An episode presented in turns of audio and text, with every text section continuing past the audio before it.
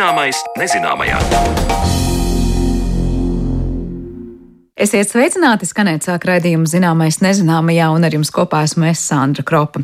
Šoreiz mēs gadu iesākam līdzīgi kā citas, un ar eh, gada putnu izziņošanu. Kurš putns šogad izpelnījies ornitologu uzmanību, ko par to zinām, un kāda ir šī putna dzīve Latvijā, par to visu runāsim raidījumā jau pavisam drīz. Bet pirms tam aicinu paklausīties par kādu eksotisku un Latvijā nesastopamu putnu izpēti. Pašlaik, kad Latvijā valda ziema un kad nominācija Gada putns tradicionāli tiek piešķirta kādai vietējai putnu sugai, šajā stāstā aizceļosim uz tālu un siltu vietu ar putnu sugām, kas Latvijā nav sastopamas. Vēl vairāk noskaidrosim, kā konkrētas putnu sugas palīdz iegūt informāciju par vides piesārņojumu. Alessandro Di Marčio ir Rīgas Nacionālā zooloģiskā dārza zinātniskās darbības vadošais speciālists. Pirms ierašanās Latvijā viņš studējis Itālijā, pēc tam Spānijā, bet vēlāk viņa ceļš aizvedis līdz Argentīnai. Tur Alessandro veicis ekotoksikoloģijas pētījumu par Patagonijas putniem, tostarp maitas putniem, Andu kondoru, Amerikas melno grifu, tītaru grifu, kā arī karakaru un čimango. Ekotoksikoloģija pēta toksisko vielu un fizikālo faktoru iedarbību uz dzīvajiem organismiem, un Alessandro un viņa kolēģu uzdevums bijis noteikt smagā metāla dzīvesudraba piesārņojumu, mērot to putnu spalvās. Kā tas bijis iespējams, par to tālāk stāsta Alessandro Di Marčio. When the feathers are growing, they are connected to the vascular system of the birds, and so birds use the feather as a Brīdī, kad putnu spalvas aug, tās ir sasaistītas ar asinsvadu sistēmu. Tādējādi putni izmanto spalvas kā nodalījumu ķermeņa saindēšanās gadījumā. Principā asinis, kas rit cauri spalvām, spēj filtrēt ķīmiskos savienojumus, kas pēc tam var saglabāties keratīna struktūrās spalvās.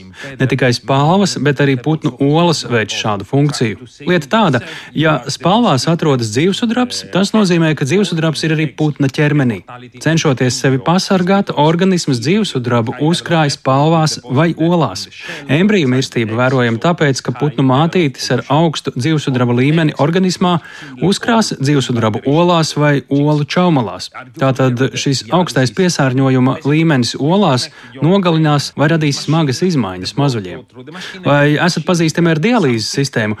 Jūsu vēnes tiek savienotas ar dialīzes iekārtu, asins plus cauri iekārtai un iekārta ar filtriem uz uztver asinīs atrodamos ķīmiskos savienojumus un pretī jums sniedz tīras asins. Putnu gadījumā spalvas ir šīs dialīzes iekārta, un izmērot smagā metāla līmeni spalvās, var iegūt priekšstatu par piesārņojumu putnu organismā vai ekosistēmā. Ekotoksikoloģijā iespējams ievākt dažādus paraugus un izmantot atšķirīgas pieejas. Viena pieeja izmanto putnu spalvas un olas, cita ievācot dažādu audu paraugus, lielākoties no mirušiem dzīvniekiem, vai paņemot asins analīzes. Asinis sniedz labāku ainu par to, kas notiek ar konkrēto dzīvnieku, bet ēnas puse ir tāda, ka nepieciešams notvert katru no dzīvniekiem. Es pats esmu analizējis 600 spalvas, tas nozīmētu 600 notvērtus dzīvniekus. So 600 birds. Spalvas jūs varat vienkārši kaut kur atrast, vai ne? Jā, principā mūsu gadījumā mēs vienkārši staigājam pa Patagoniju, apmeklējam kondoru un citu putnu sugu likstošanas vietas un savācot no zemes putnu nomestās spalvas.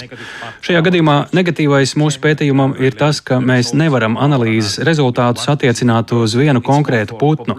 Rezultāti vairāk sniedz informāciju par populāciju un teritoriju, tāpēc, ka jums nav zināms tieši no kura dzīvnieka There is one approach called uh, One Health uh, approach. One Health approach is basically making analysis Ir tāda pieeja pētniecībā, kas saucas viena veselība. Pieeja viena veselība tas nozīmē veikt analīzi par kādām sugām, kas var sniegt informāciju par visu ekosistēmu. Un mūsu gadījumā informācija var sniegt datus arī par mums, cilvēkiem. Piemēram, ekotoksikoloģijā ir daudz veiktu pētījumu par maziem ūdens bezmugurkalniekiem, gliemenēm. Tas var veidot priekšstatu par to, kas notiek jūrā, bet šos datus var attiecināt bet arī uz to, kas varētu būt risks cilvēkiem. Ja analizē barības ķēdes virsotni, piemēram, pelēkos roņus Baltijas jūrā, kā es to pašlaik daru Rīgas zoodārzā, tad rezultāti ir uzskatāmi par provizorisku pētījumu tam, lai izvērtētu draudus cilvēkam. Jo, ja jūs konstatējat augstu piesārņojuma līmeni roņu organismā, tas nozīmē, ka tāds pat risks pastāv cilvēkiem, kuri ēd zivis vai jebkādus citus produktus no Baltijas jūras. Baltika. I wanted to ask about this ecotoxicology in general once again, because this uh, term already says that this Vēlējos vēlreiz vispārināti pavaicāt par pašu ekotoksikoloģiju, jo šis jēdziens jau apliecina, ka runa ir par kaut ko starpdisciplināru. Vai ekotoksikoloģijā runa ir tikai par piesārņojumu, vai arī šī nozare ietver dažādus jautājumus? Vienkārši jūsu gadījumā tā attiecās uz piesārņojumu. Varētu teikt, ka runa ir par piesārņojumu, bet viss atkarīgs no pētāmās vielas. Es pētīju smago metālu, taču var pētīt arī noturīgos organiskos savienojumus, piemēram, lauksaimniecības ķīmiju, pesticīdus un pat medikamentus. Īpaši tā ir problēma ūdens ekosistēmās, jo milzīgais antibiotiku vai cita veida zāļu daudzums, ko patērē cilvēks, rada antibiotiku rezistenci vai arī piesārņojošo vielu nogulsnes. Noteiktos pasaules reģionos ir problēma ar jūras zivju vairošanos, jo lielais kontracepcijas līdzekļu patēriņš, kas beigās nonāk jūrā, tik ļoti palielina hormonu koncentrāciju jūrā, ka zivis maina savu dzimumu.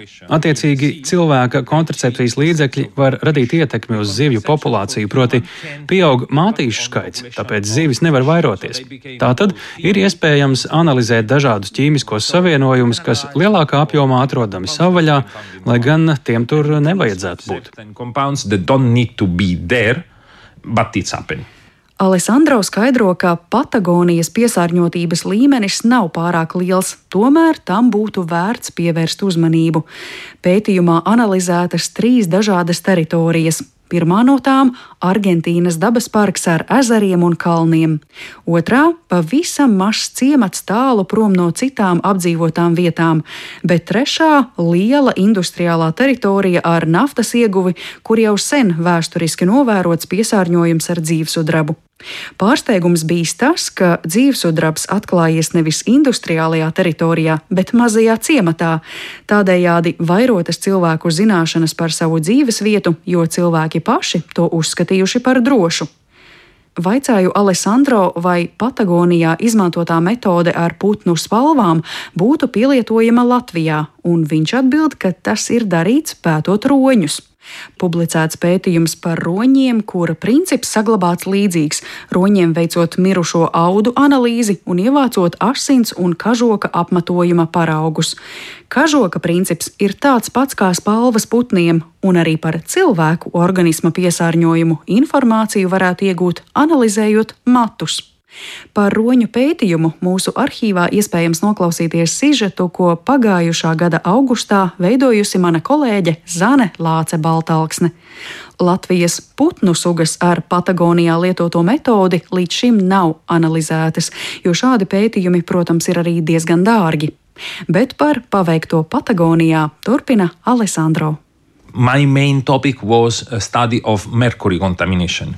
And mercury normally is studied in aquatic ecosystem because Mana pētījuma galvenais temats bija piesārņojums ar dzīvesudrabu, un dzīvesudrabs ir pētīts ūdens ekosistēmās, jo tur tam ir lielāka ietekme. Patagonijā tā bija kalnaina pustūkstneša teritorija, un tur sugas eh, nedzīvo ūdenī. Tā ka par šo jautājumu tikpat kā nebija literatūras, es sākumā atradu tikai vienu vai divus zinātniskos rakstus.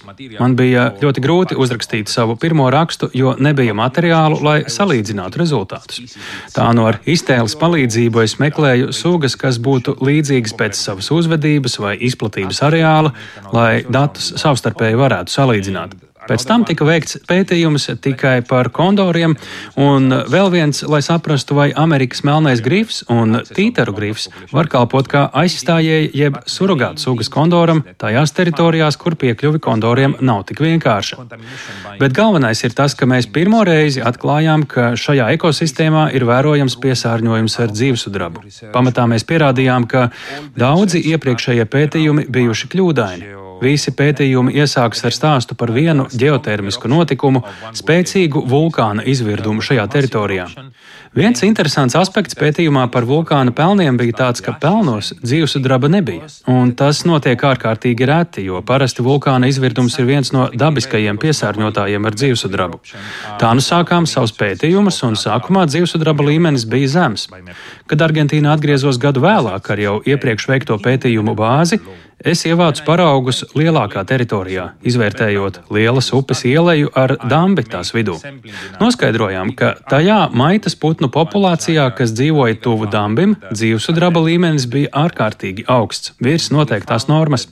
Izskaidrojums ir tāds, ka vulkāns saturēja dzīvesudrabu taču nevis pelnos, bet gan izdalītajās gāzēs. Tādējādi dzīvesudrabs ātri radīja nogulsnes ūdenī, un, ja vēl upē tiek izveidota dambju sistēma, tiek samazināta ūdens plūsma, un tas savukārt paaugstina ķīmisko savienojumu nogulsnēšanos ūdenī, kā tas arī bija dzīvesudraba gadījumā. Līdz ar to zīvis, kas dzīvo dambja tuvumā, ir pakļautas lielākam piesārņojumam ar dzīvesudrabu. So the fish that live closest to the dam are exposed to higher level of mercury yeah. Pollution. And birds eat and. And, and un putni ēd šīs zivis. Lai gan Amerikas melnais grifs un tītaru grifs tik strikti nav uzskatāmi par zivjādāju putniem, ir daudz ziņojumu, kas pamato, ka tie ēd arī zivis. Tas ir nozīmīgs brīdinājums, jo teritorija, kurā ievācām paraugu, bija mazs ciemats stepes vidū.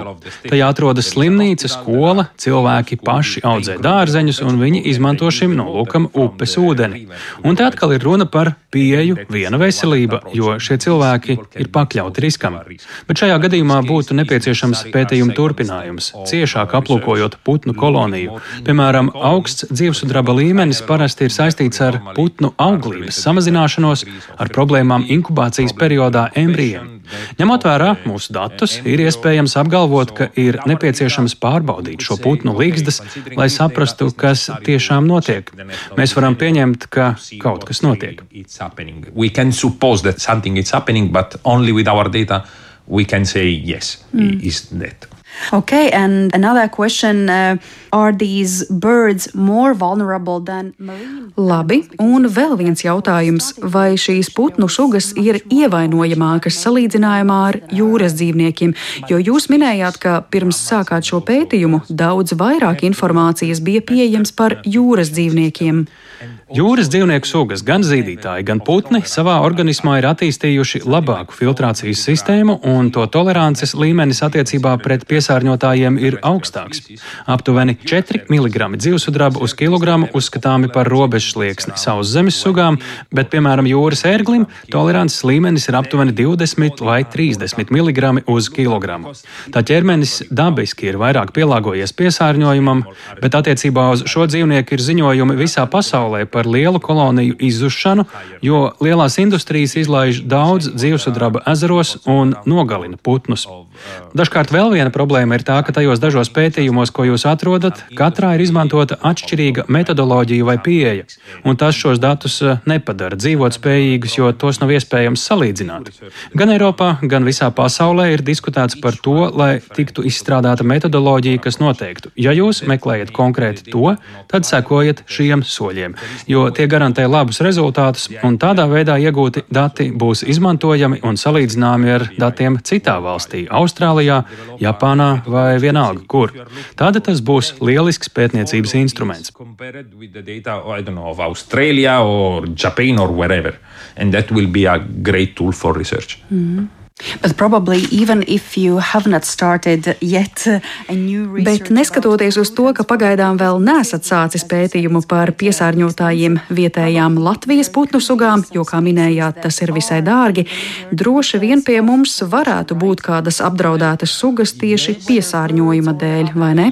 Jā, es domāju, ka lauksaimniecībā izmantotā ķīmija un pesticīdi ir saistoši ķīmiskie savienojumi Latvijas teritorijai. Tāpat arī daži metāli, piemēram, piemēram, svins un zivsudrabs, kas saglabājušies no industrijām iepriekšējās desmitgadēs. Un vēl viens klasisks jautājums, kas jāpēta, tie ir plastmasas un mikroplastmasas piesārņotāji, kas kļūst aizvien aktuālāki ar lielāku ietekmi uz sugām. Tā ka noteikti tie ir pētāmi jautājumi. Paldies Marionai Baltkalnei par sagatavoto stāstu tik tālu par putnu izpētēm citās pasaules vietās, bet redzījuma turpinājumā uzzināsim, kurš šogad ir gada putns Latvijā.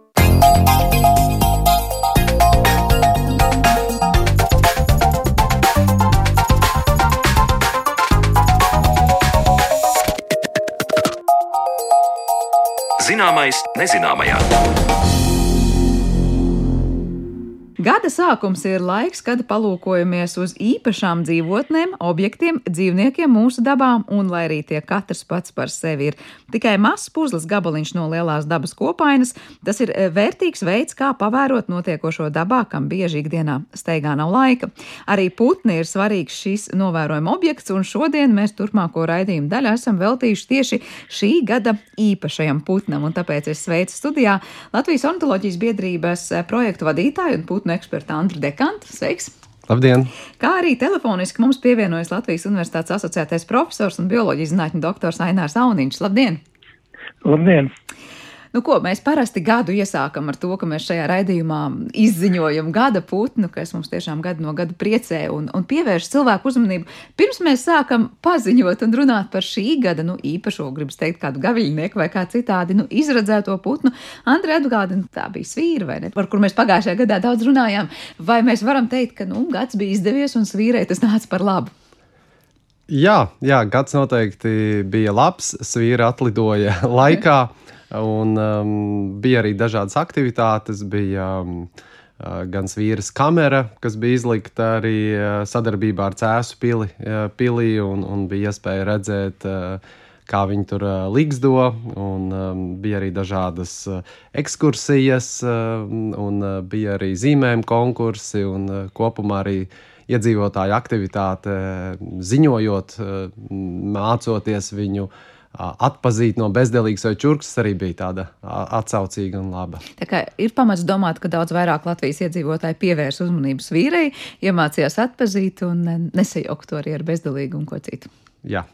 Jā, nu lūkosim, kāds šis gads būs kādam citam putnam, bet pirms mēs atklājam, kurš tas ir, mēs varam ļaut patiesībā arī klausītājiem varbūt uzminēt. Šobrīd mēs varētu ieklausīties šī gada putna dziesmā.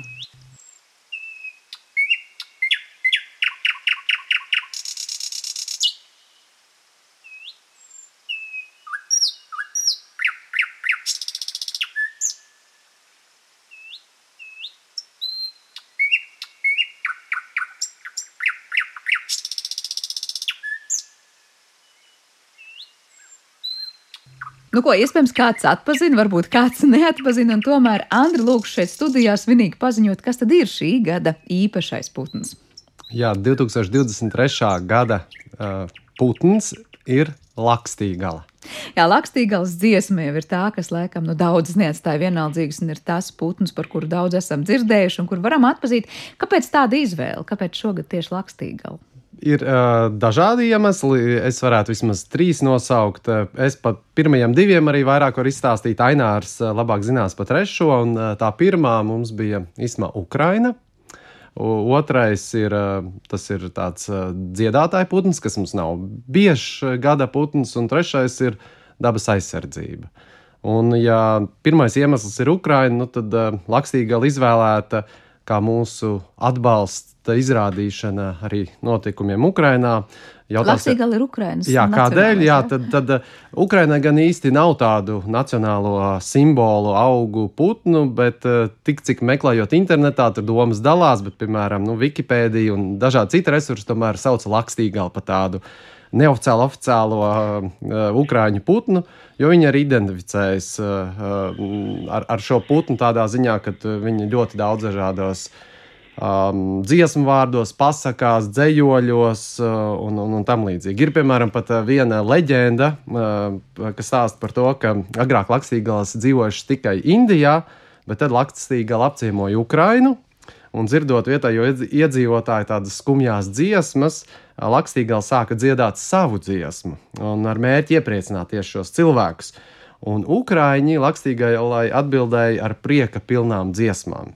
Un, nu, kopš tā laika Lakstīgai katru gadu pavasarī apciemojot Ukrainu. Un interesanti, lai klausītos Ukrāņu dziesmas. Tā viņi ir pavērsuši. Jā, un, un šobrīd nu, mēs zinām, ka tās Ukrainā nav prieka mm -hmm. dziesmas, un tās ir skumju pilnas, un mēs gribam, lai, lai tās dziesmas, jā, un, un, un tā kā arī aicināt Latvijas iedzīvotājus, dzirdot Lakstīgalu, domāt par Ukrainu un veidiem, kā uh, izrādīt atbalstu. Bet uh, tā otra lieta ir, ka tas ir dziedātāja putns, uh, citi gada putni. Uh, ir vairāk vai mazāk bijuši tādi fotogēniski, krāsaini, vairāk vai mazāk lielāki. Bija arī daži mazi, tur dzeltenā cielā, piemēram. Bet tie krāsainie lielie parasti nav tādi skaistie dziedātāji. Un uh, mātīts vairāk uh, viņi piesaista ar savu tērpu. Tie, bet tie lakstīgala nu, neizrādās tik daudz, nediržojas ar savu izskatu. Viņu vispār grūti pamanīt, pat gandrīz neiespējami, bet viņai ir tā skaistā, skaistā dziesma. Un, un tad mēs gribam arī uh, vairāk aicināt Latvijas iedzīvotājus ieklausīties arī putnu dziesmās, jo tomēr nu, es teiktu, ka 80-90% novērojumu putnu, tādām putnu pazinējumiem ir tomēr audiāli, tie ir saklausāmi. Mēs visu laiku esam likuši tik daudz uzsveru uz to vizuālo, bet nu, šis ir arī tās putns, kur beidzot arī mudināt Latvijas iedzīvotājus pamācīties arī un piefiksēt to, ko mēs dzirdam vairāk. Apkārt. Jā, tad, klausoties lakstīgalu, sāksim varbūt klausīties arī citus putnus, un tā varbūt arī e, soli pa solītim ar vien vairāk tie, kas vēl nav putnu vērošanas aktivitātēs, varbūt tām arī pievērsīsies. Aināram gribu dot vārdu, komentējot to lakstīgals izvēli par šī gada putnu. Te Andris jau teica, ka vēl ir dabas aizsardzības aspekts. Kas būtu tie galvenie argumenti konkrēti runāt arī par dabas aizsardzību? Kāpēc par lakstīgalu šogad būtu jārunā? Viens no iemesliem ir tas, ka lakstīgals populācija šobrīd Latvijā samazinās. To rāda likstošo putnu uzskaišu rezultāti. Kopš 2005. gada, kopš notiek nu, šīs uzskaitas, mēs esam zaudējuši apmēram ceturto daļu lakstīgals populācijas. Un par, par iemesliem, kāpēc tas tā ir, ir nu, samērā grūti spriest tā vizuāli un eh, nu, tā redzot, kas notiek dabā, šķiet, ka nekas no tāda lakstīgals viedokļa, nu, nekam nevajadzētu būt tā mainījušamies, jo, nu, krūmi upmalās mums uh, vēl, vēl ar vienu ir, uh, bet, nu, tomēr šī populācija iet mazumā. Un te ir, nu, divi, divi iespējamie iemesli, kāpēc, kāpēc tas tā. Eh, viens no tiem eh, varētu būt klimata pārmaiņas, eh, ka klimats pamazām Latvijā kļūst lakstīgalai nepiemērotāks. Lakstīgala ir nu, tāds klasisks mūsu reģiona putns vienmēr, vienmēr bijusi, bet nu, klimatam kļūstot siltākam, izplatības areāls, kā tiek prognozēts, simtgadus laikā atkāpsies tā, ka Latvijā viņa vairs neliksdos un būs tikai sastopama uh, caurceļošanas laikos uh, pa, pavasaros un vasaras beigās rudeņos. Vieta tukša nepaliks, pie mums ienāks cita lakstīgala suga, kas ir rietumu lakstīgala, kas šobrīd liksdo visā nu, pārējā Eiropas daļā. Nu, šīs divas lakstīgalas Eiropa ir sadalījušas tā, ka nu, teiksim, tādu, pa tādu līniju no, no Dānijas e, cauri Polijai, e, iet, ietverot e, Ukrainu uz, uz austrumiem, viss ir mūsu lakstīgalai, savukārt rietumu lakstīgalai, nu, tā teritorija, kas sanāk uz rietumiem no, šī, no šīs līnijas. Nu jā, un šī, un šī te, nu, sadalošā līnija, kā tiek prognozēts, pārvietosies tā, ka, vi, ka viņi atradīsies, nu, teiksim, no mūsu reģionā kaut kur, kaut kur Igaunijas ziemeļdaļā.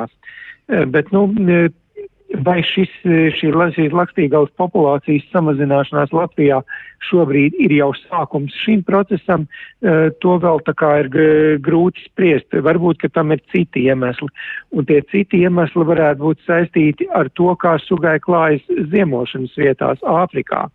Lakstīgala ziemot dodas tālu, šķērso Sahāru, dod, viņas, nu, teiksim, tā centrālā valsts, kur viņa ziemo varētu būt Zambija, bet arī, nu, apkārtējās valstis tādas kā e, Zimbabve, Botsvāna, e, Dienvidāfrikas ziemeļa, Mozambika arī un, un vēl dažas apkārtējās valstis ir nu, tās vietas, kur mūsu lakstīgals dodas ziemot. Un tās pašas klimata pārmaiņas, sausuma periodi, ilgstoši skar arī šīs teritorijas, un nav izslēgts, ka sugai tā izdzīvotība tieši ziemošanas vietās ir samazinājusies, un tas varētu būt iemesls eh, tam, kādēļ katru pavasari, pavasari pēdējā laikā atgriežas ar vien mazāk lakstīgalu.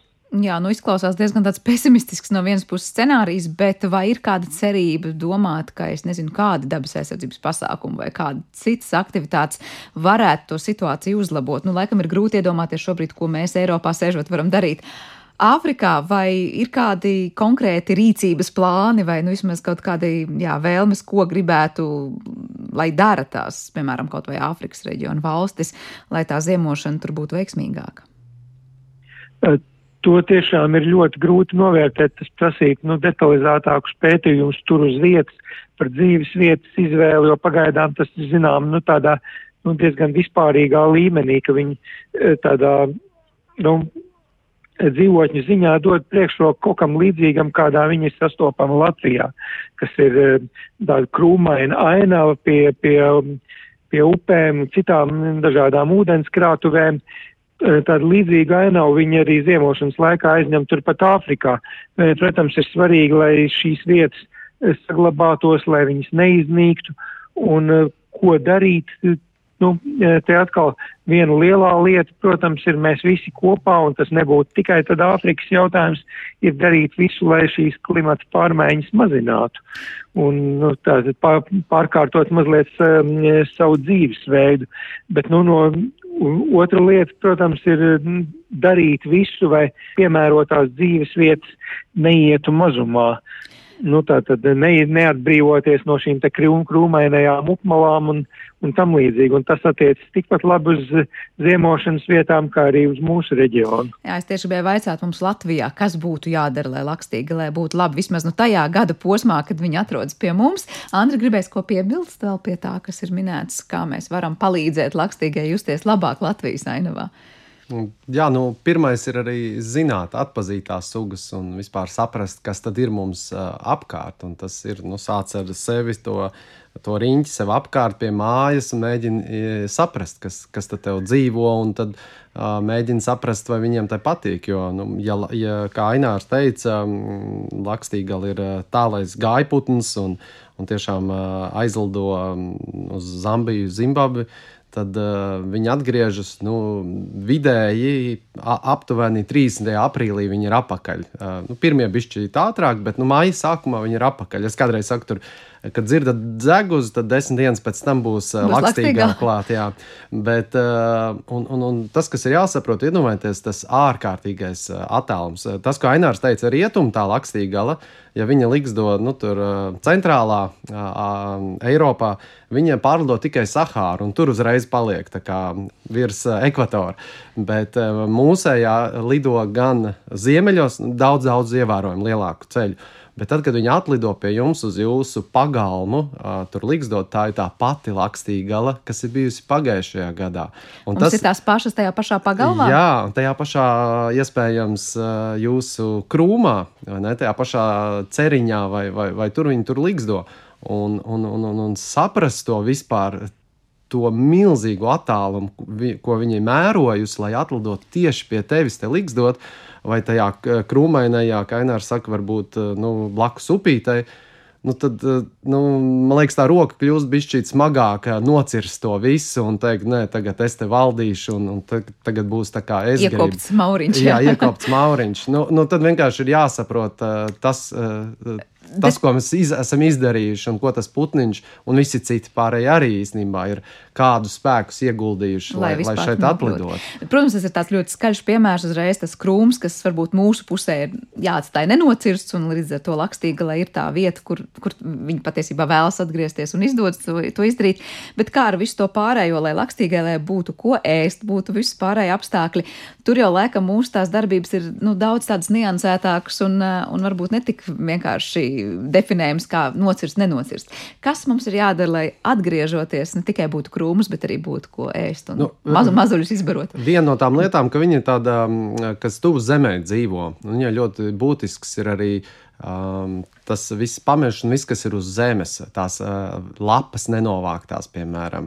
Jo, jo viņi tu, tur arī rušinās un tur arī dzīvo. Un, ja mēs arī nu, gribam tiešām ļoti visu iekopt un, un, un visas lapas vienmēr iztīram, nu, tas viņai vairs uh, nav tas optimālais, kas viņai, piemēram, būtu vajadzīgs.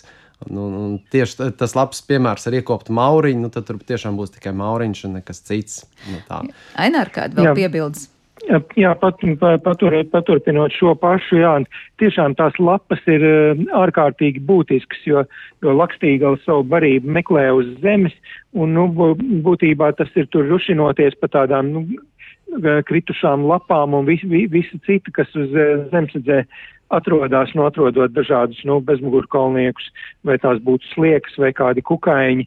Un eh, te arī eh, to nenovākto lapu piemērs, es esmu pietiekami vecs, vecs, lai atcerētos 90. gadus, eh, kad kādu laiku, nu, nu, tas, tas bija tādas samazinātas rocības dēļ, Rīgā daudz kur tās lapas netika novāktas.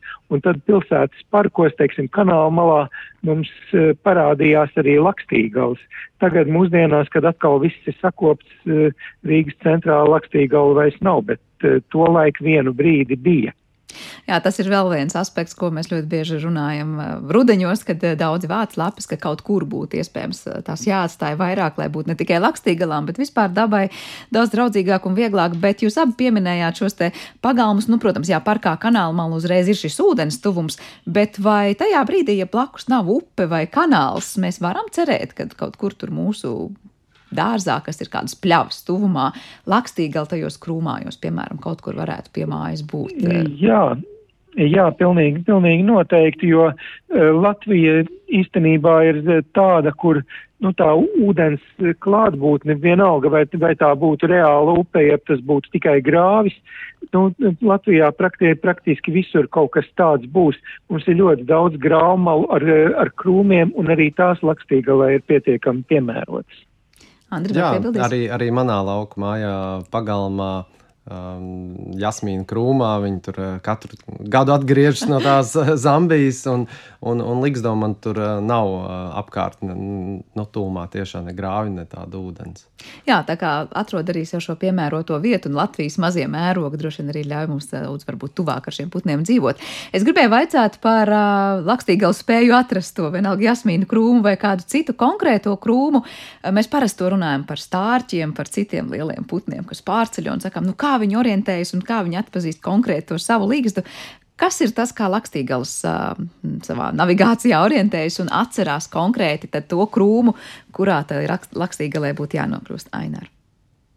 Lielā mērā nu, Lakstīgals orientācija ir tāda pati kā citiem ceļotājiem putniem. Tātad nu, viņas nu, gan, gan migrāciju laikā, uz kurieni doties un atpakaļ, uh, vadās pēc, uh, pēc dažādām maņām, kas sevi ietver uh, gan, gan sauli, tātad, kur, kur attiecīgajā brīdī saule saule noriet, tātad, nu, tev to azimutu nosakot pēc tā, arī pēc, pēc zvaigznēm, pēc magnētiskā lauka. Šajā gadījumā te nebūs kaut kas tikai laks, lakstīga, lai specifisks. Protams, nu, šie ir tādi, nu, lielie, lielie virzieni, virzieni nosakošie uh, marķieri, bet uh, tālāk, tālāk jau lokālais, tas ir, nu, tā, tā ir vieta, ko nu, parasti putni iemācās kaut kādā pēc, pēclikdošanas periodā, tanī brīdī, kad, nu, jaunie putni pamats, uh, nu, tiek izvesti no, no, no ligzdām, tātad pamet savu ligzdu, tad ir kaut kāds periods, kad viņi vēl, vēl uzturās uh, nu, relatīvi netālu no ligzdas, un tas ir nu, tā saucamais vietas iemācīšanās periods. E, dažādi eksperimenti nu, iepriekšējās desmitgadēs ir rādījuši, ka e, e, neatkarīgi no tā, nu, kur, kurā vietā putns pats ir liksdojis, viņam tieši nu, svarīgākais tas brīdis, uh, nu, tās nedēļas pēc liksdas atstāšanas, ja viņi šajā laikā tiek pārvietoti uz citurieni, tad viņi, viņi iemācās to vietu, uz kurien viņi ir bijuši pārvietoti. Viņi tā kā iegūši šo ideju par jaunajām mājām, jā, tātad tās Jā, jaunās mājas. tā. Bet sanāk tā, ka nu, kaut kādā mērā varam teikt, nofotografē savā atmiņā to konkrēto krūmu un vietu un noteikti to ne ar ko nesajauc. Lakstīgals. Um, Sa, savā ziņā jā, bet te ir, protams, jāpatur prātā, ka eh, tas savs krūms var piederēt tikai, tikai nu, vienam pārim. Nu, un visbiežāk jau ir tā, ka, nu, protams, nu, tas, tas pats pāris, ja ir izdzīvojis, viņš atgriežas un mēģina liksdot tajā krūmā, un, teiksim, viņu bērniem, ja viņi ir izdzīvojuši, šis krūms, nu, attiecīgi nebūs pieejams, un viņi tad izplatās kaut kādā, nu, ne- plašā, plašākā, nedaudz plašākā apkārtnē. Bet tie bērni tā kā plus mīnus tuvumā būs tajā pašā, nezinu, vai dārzā, vai reģionā, vai kā, jo, jo liekas, nu viņiem ir jāatrod, tad sanāk jauna līgsta, bet tajā pašā laikā, nu tā dzimtā puse ir viena un tā pati visiem. Jā, jebkurā gadījumā, nu, prim, primāri jau viņi cen- centīsies tās savas um, šķilšanās vietas tūmā kaut ko at, atrast, bet to, vai viņiem tas izdosies, lielā mērā noteiks uh, tas, uh, cik liela tur būs konkurence. Un, uh, protams, ja viņš no visām iespējamām teritorijām padzen, nu, citi, kas, kas jau šīs teritorijas ir aizņēmuši, tad nu, nu, viņi, ja tādā sezonā atradīs, tad nu, viņi atradīs tur, kur, eh, kur, tur, kur būs tā teritorija pieejama, kur vai nu iepriekšējie saimnieki nav, nav atgriezušies vai, vai aizņēmuši, vai pašiem izdodas i- izkonkurēt. Nu, šī cīņa par teritorijām Ir diezgan ne? Bet, nu, laiks, Jā. kurā Lakstīgala pie mums atgriežas, Andris jau te teica, aprīļa pašas beigas, māja sākums, ir laiks, kad patiesībā putnu pasaulē ir tāda jau sīva konkurence, jo ir pietiekoši daudz jau tie, kas Jā, atgriezušies. īstenībā nu, no tās. Es teiktu, pēdējā trešdaļā starp putniem, kas atgriežas. Un, eh, ja vēl skaita tos, kas paliek pie mums ziemot, nu, tad, tad viņa tiešām ir uz, uz beigām. eh, kur kārtīgi jāpacīnās par Jā. to savu vietu Jā, es, es pat varētu pa- papildināt, ka nu, teiksim, tā, nu, tas pavasara putnu koris, eh, tad nu, viņš sā, sākumā ir nu, nu, viņš tāds eh, pamazām sugām atgriežoties, kļūst arvien eh, bagātīgāks. Un tad tāds nu, te, nu, ticējums ir, ka viņš ir tāds nu, pilnīgs tikai tad, kad tajā ir arī lakstīgala.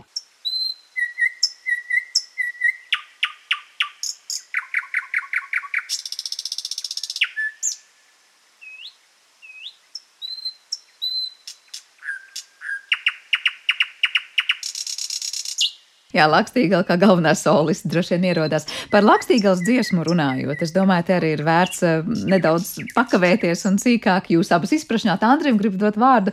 Uh, kas mums ir daudz zināms par to, nu, kāpēc Lakstīgala tik skaisti dzied, ko tā ietver tai savā dziesmā, jo pirms kāda laika pie mums viesojās Māris Strasts, viņš stāstīja par to, kāda ir putnu nosaukuma izcelsme latviešu valodā. Un, ja nemaldos, tad viena no versijām bija, ka Lakstīgala patiesībā nu, no tādiem senākiem laikiem būtu kā tāda nu, ļoti laba dziedātāja tulkojumā. Tad, tad pats pašā nosaukumā jau ir ietverts šis vārds. Jā, jā, man liekas, no tā latīniskā lucīnī tur dažādi tulkojumi, kā viņš veidojās. Viens no tiem bija tā labākā dziedātāja, viens bija kā neredzamais eh, putns arī. Nu, jo tiešām viņai grūti pamanām, un, un jau lapas jau ir sa, eh, sazēlušas, kad viņi atgriežas, un, un viņi tur kaut kur apakšā dzīvojās. Bet, eh, jā, Lakstīgala ir ļoti sarežģīta, ļoti interesanta tā dziesma. Mēs to saucam arī par to, to pogošanu, kas ir. Un viņai tā ir māja, jūnija naktīs, un dzirdama, nu, naktī tas ēters ir tukšāks. Un, un, un tas koris jau lielāks tomēr ir dienas laikā. Un, un, bet viņa dzied arī, kad atgriežas, viņai galvenais ir atrast pāri un var dziedāt arī visas dienas garumā. Viņa. Nu, kādu īsu brīdi, kad viņa sākumā atgriežas, bet tad viņa pāriet vairāk uz vakaru, naktīm un, un, un, un tam līdzīgi. Un, protams, viņa izraisa tās ļoti patīkamās emocijas, un, uh, un, un, un, un to arī uztver kā tādu skaistumu, emociju, tādu burvības, tādu simbolu. Un, um, nu, un viņi tiešām var kā arī tajā leģendā, viņi spēja aizkustināt sirdis, spēja cilvēkiem radīt prieku.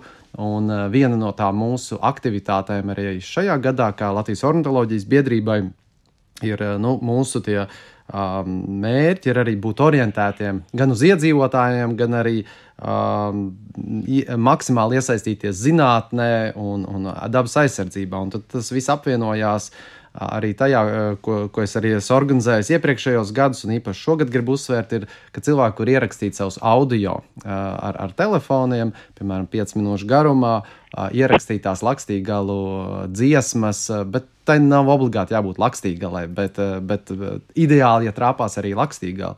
Jo, ja tas ir arī vakar ieraksts, ļoti labi būtu pašos rītos ierakstīt. Lakstīgala arī var dziedāt, protams, un dzied, bet arī vakaros. Un tad jau tajā mm, māja, jūnija laikā tur arī mēs dzirdēsim daudz citas naktsputnas, kas mums arī īstenībā ir uh, maz apsekoti, maz zināmi. Tur griezi, dažādi purva krūmu ķauķi, upes ķauķi un tam līdzīgi. Bet nu, tas aicinājums ar iedzīvotājiem izbaudīt to lakstīgās burvību, uh, mēģināt dabūt šīs skaistās emocijas un ierakstīt tās un dalīties ar mums arī vai nu pašiem ziņot portālā dabas dati LV. Vai arī pasakot mums mājaslapā, um, ir arī informācija par šiem ierakstiem, un, un piedalīties, sūtīt šos ierakstus. Uh, es arī viņus analizēju, un tādā veidā mēs arī papildināsim to datu bāzi zinātni, Eh, kur tad mums ir tās lakstīgās? Kas ir tas galvenais, ko gribas noskaidrot, to izplatību, un kas tad kopā vēl ar lakstīgalām tur ir sastopams? Eh, jā, ta, tas būtu tas galvenais, jo eh, šobrīd arī es, es organizēju iepriekšējo, kas bijuši arī raidījumi par putnu atlantiem, kur tā izplatība, un tad lakstīgalai arī tā izplatība ir. Šobrīd mēs esam ieguldījuši gandrīz tādu pašu mm, ieguldījumu viņas meklēšanā kā pirms 20 gadiem. Uh, bet uh, tā izplatība ir vērā ņemami daudz mazāka. Un, un tas sakrīt ar to, ko Ainārs arī teica. Un, nu, tas viens no tādiem, nu, mums ir, jautājums, vai tiešām esam ieguldījuši tik pašu lielu uh, darbu viņas meklēšanā un citu naktspūtnu vai, vai, vai, vai arī viņi tiešām ir samazinājusies. Un šādā veidā, ja cilvēki var dot uh, savus uh, ierakstus, sūtīt precīzi norādot vietu un laiku no savām, teiksim, viensētām vai no nu, mazāk apdzīvotām vietām, ne no pilsētām, tad tur nevajadzētu, tur, tur ir ļoti daudz datu, bet tiešām tālu no vietām, tas palīdzēs mums uh, saprast šo lietu. Un, un tas ir iedzīvotājiem iespējams palīdzētu iemācīties šo putnu, kas, kas ir tas aicinājums. Jo, ja jūs nezināt, vai tā ir lakstīgala vai tas ir varbūt melnais meža strasts, tad uh, labāk neziņojiet to, labāk tiešām ierakstiet, nekaunieties, atsūtiet. Jums, tas ir visdrošāk. Tad, nezinot, mēs drīkstam vienkārši ierakstīt to, ko dzirdam. Un nosūtīt tad vai nu dabas datiem, vai Latvijas ornitholoģijas biedrībai. Jā, ir, ir mums e-pasts Atlants at LobLV, un, un vēlams ir 5 minūšu garumā. Ideāli tas ir pirmajās dažās stundās uh, pirms saulēkta vai ap saulrietu, vai, ja tas ir jau māja beigas, jūnijas, var arī vakaros. Nu, ja tas putns dzied, nevajadzētu pilnīgi blakus viņam iet, jo tad viņš pārkliegs visu un fonu nedzirdēs. Bet, ja jūs viņu dzirdat pat 100-200 metru attālumā, ja jūs ar ausīm dzirdat, jūs tur varat ierakstīt, jo ierakstā varēs ļoti labi to putnu dzirdēt. Un it īpaši speciālisti klausoties, noteikti spēs saklausīt to, kas ir jāsaklaus. Aināra, vai ir vēl kādi jautājumi, kas no zinātnes puses īpaši interesē lakstīgalu pētnieks un ne tikai lakstīgalu pētnieks, ko noteikti gribētos saprast par šiem putniem? Noteikti būtu, būtu ļoti labi saprast tādas detalizētākas šīs sugas dzīvotnes prasības. Mēs no zinām tādos vispārīgos uh, vilcienos, kas viņai ir vajadzīgi, tie, tie, tie paši krū, dažāda veida krūmi, mitrāka vide, bet nu, ļoti iespējams ir vēl kaut kādas detaļas, jo gal galā nav tā, ka viņi katrā, katrā krūmā un katrā mitrā vietā būtu sastopami, jo tas, ko nu, tagad jaunā Atlanta dati rāda, nu, ka, ka vismaz pagaidām nu, šo, šo lak, lakstīgalu mēs konstatējam mazāk nekā pirms 20 gadiem. Nu, tā, tad, tā tad rāda, ka kaut kādi iemesli tur ir. Nu, vai, vai tas ir, ka vienkārši individu nepietiek, kas atgriežas no, no siltajām zemēm, jeb tomēr ir kaut, ka, kaut kas, ko mēs, ko mēs vēl nezinām un kas uz vietas ir. Nu, viņām, viņām sāk pietrūkt. Tā, tā ka tas noteikti ir E, viena lieta. Otra lieta ir, kas saistās arī ar to, ko Andris minēja par, par balsu ierakstīšanu.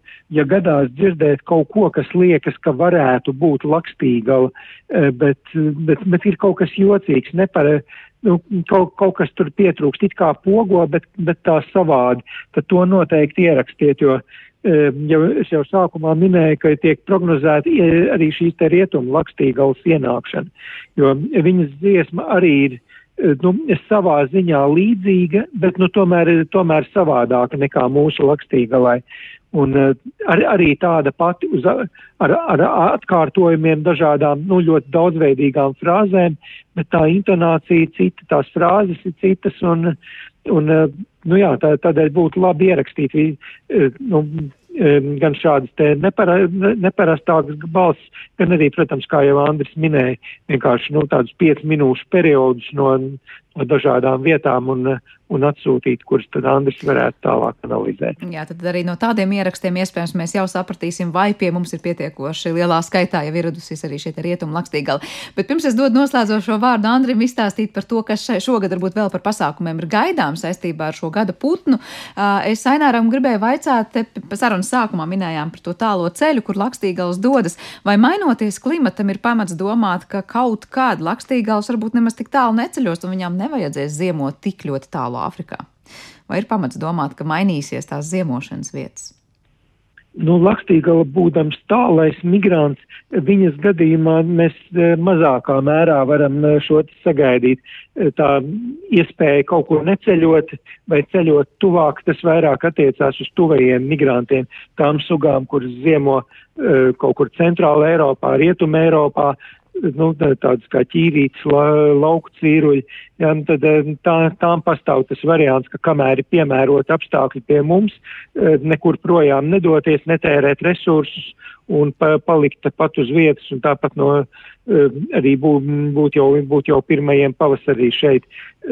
Tie apstākļi, kas mūs nu, arī sagaida nākotnē, tomēr nebūs tādi, lai lakstīgals varētu šeit palikt, palikt pa ziemu un uh, nu, viņām lielā mērā šis tālais ceļš jau ir eh, ieprogrammēts un uh, tādēļ es nesagaidītu, ka šis eh, kaut kādā mērā mainīsies. Datumu ziņā, jā, Lakstīgaus kopumā nu, pēdējās desmitgadēs ir nedaudz agrāk sākušas atgriezties, bet tas ir, nu, ne tikai laika ziņā, bet, nu, tas nav, tas nenozīmē, ka viņas uh, būtu sākušas ziemot kaut, kaut, kur tuvāk, kaut kur ja? tuvāk. Jo gal galā tā arī ziemošanas vietās pastāv konkurence gan, nu, gan individu starpā, gan starp sugām. Un turpat tālāk, turpat tūlīt aiz Sahāras, tajā Sahela reģionā jau, jau ziemo tā otra lakstīgala suga, rietumu lakstīgala. Tā ka tās teritorijas ar lielā mērā ir aizņemtas kā ziemošanas. Tā kā tik viegli nebūs lakstīga, lai pārorientēt savu uzvedību gan savas ieprogrammētās darbības dēļ, gan arī tāpēc, ka daudzas vietas un nišas jau būs aizņemtas. Andri, te sarunas sākumā minējām par to, ka par svīri daudz ko šogad varējām gan mācīties, gan skatīties, gan dažādos pasākumos piedalīties. Par lakstīgalu tu teici jau par šīm dziesmām, vai vēl ir kaut kas, ko noteikti šī gada laikā nepalaist? palaist garām? Mēs uh, organizēsim zīmējumu konkursu. Tas ir mūsu katru gadu. Šogad tas būs interesants, jo tiešām Lakstīgala ir tāda pelēka, brūns, neizteiksmīgs, pavisam neizteiksmīgs putniņš ar nedaudz tādu rudāku astīti un baltu priekšiņu, um, kas ir ārkārtīgi līdzīga tai rietumu Lakstīgalai, varbūt uh, nedaudz rudāka tikai. Bet um, mūsu mērķis arī ir vairāk tiešām uz šīm balsīm mācīt, uh, varbūt aicināt cilvēkus apgūt uh, desmit biežākās Latvijas likstošās putnu sugas, kur balss mēs varam dzirdēt, stāstīt par to, ka balsis arī ir nozīmīgas un, kā jau teicu, arī būtisks uh, uzsvers ir um, dzirdot lakstīgalu, domāt arī par, par palīdzību Ukrainai un domāt arī par eh, varbūt kādām viltus lakstīgalām, kas, eh, kas var eh, dziedāt. Un nu, tādā ziņā nepakļauties arī kādām tādām provokācijām. Un, jā, nu, Tā kā vairāk klausīsimies eh, Lakstīgalu dziesmās un ziņosim par tām, un noteikti aizdomāsimies par to, kādos apstākļos šis putns tomēr pie mums dara visu iespējamo, lai atgrieztos un mērot tik tālu ceļu, un eh, tiešām neizgrābsim pilnīgi visas lapas nākamajā rudenī varbūt, un savukārt necirtīsim visus krūmus, kurus varbūt esam iecerējuši izcirst. Liels jums paldies par šo sarunu, gaidīsim atgriežamies Lakstīgals, klausīsimies tās dziesmās, un tad šī gada putns Lakstīgala, un par to mums pat plašāk šodien stāstīja Latvijas ornitoloģijas biedrības projekts projektu vadītājs un putnu eksperts Andris Dekāns, kā arī e, telefoniski ar mums kopā bija Latvijas Universitātes asociētais profesors, bioloģijas zinātņu doktors Ainārs Auniņš.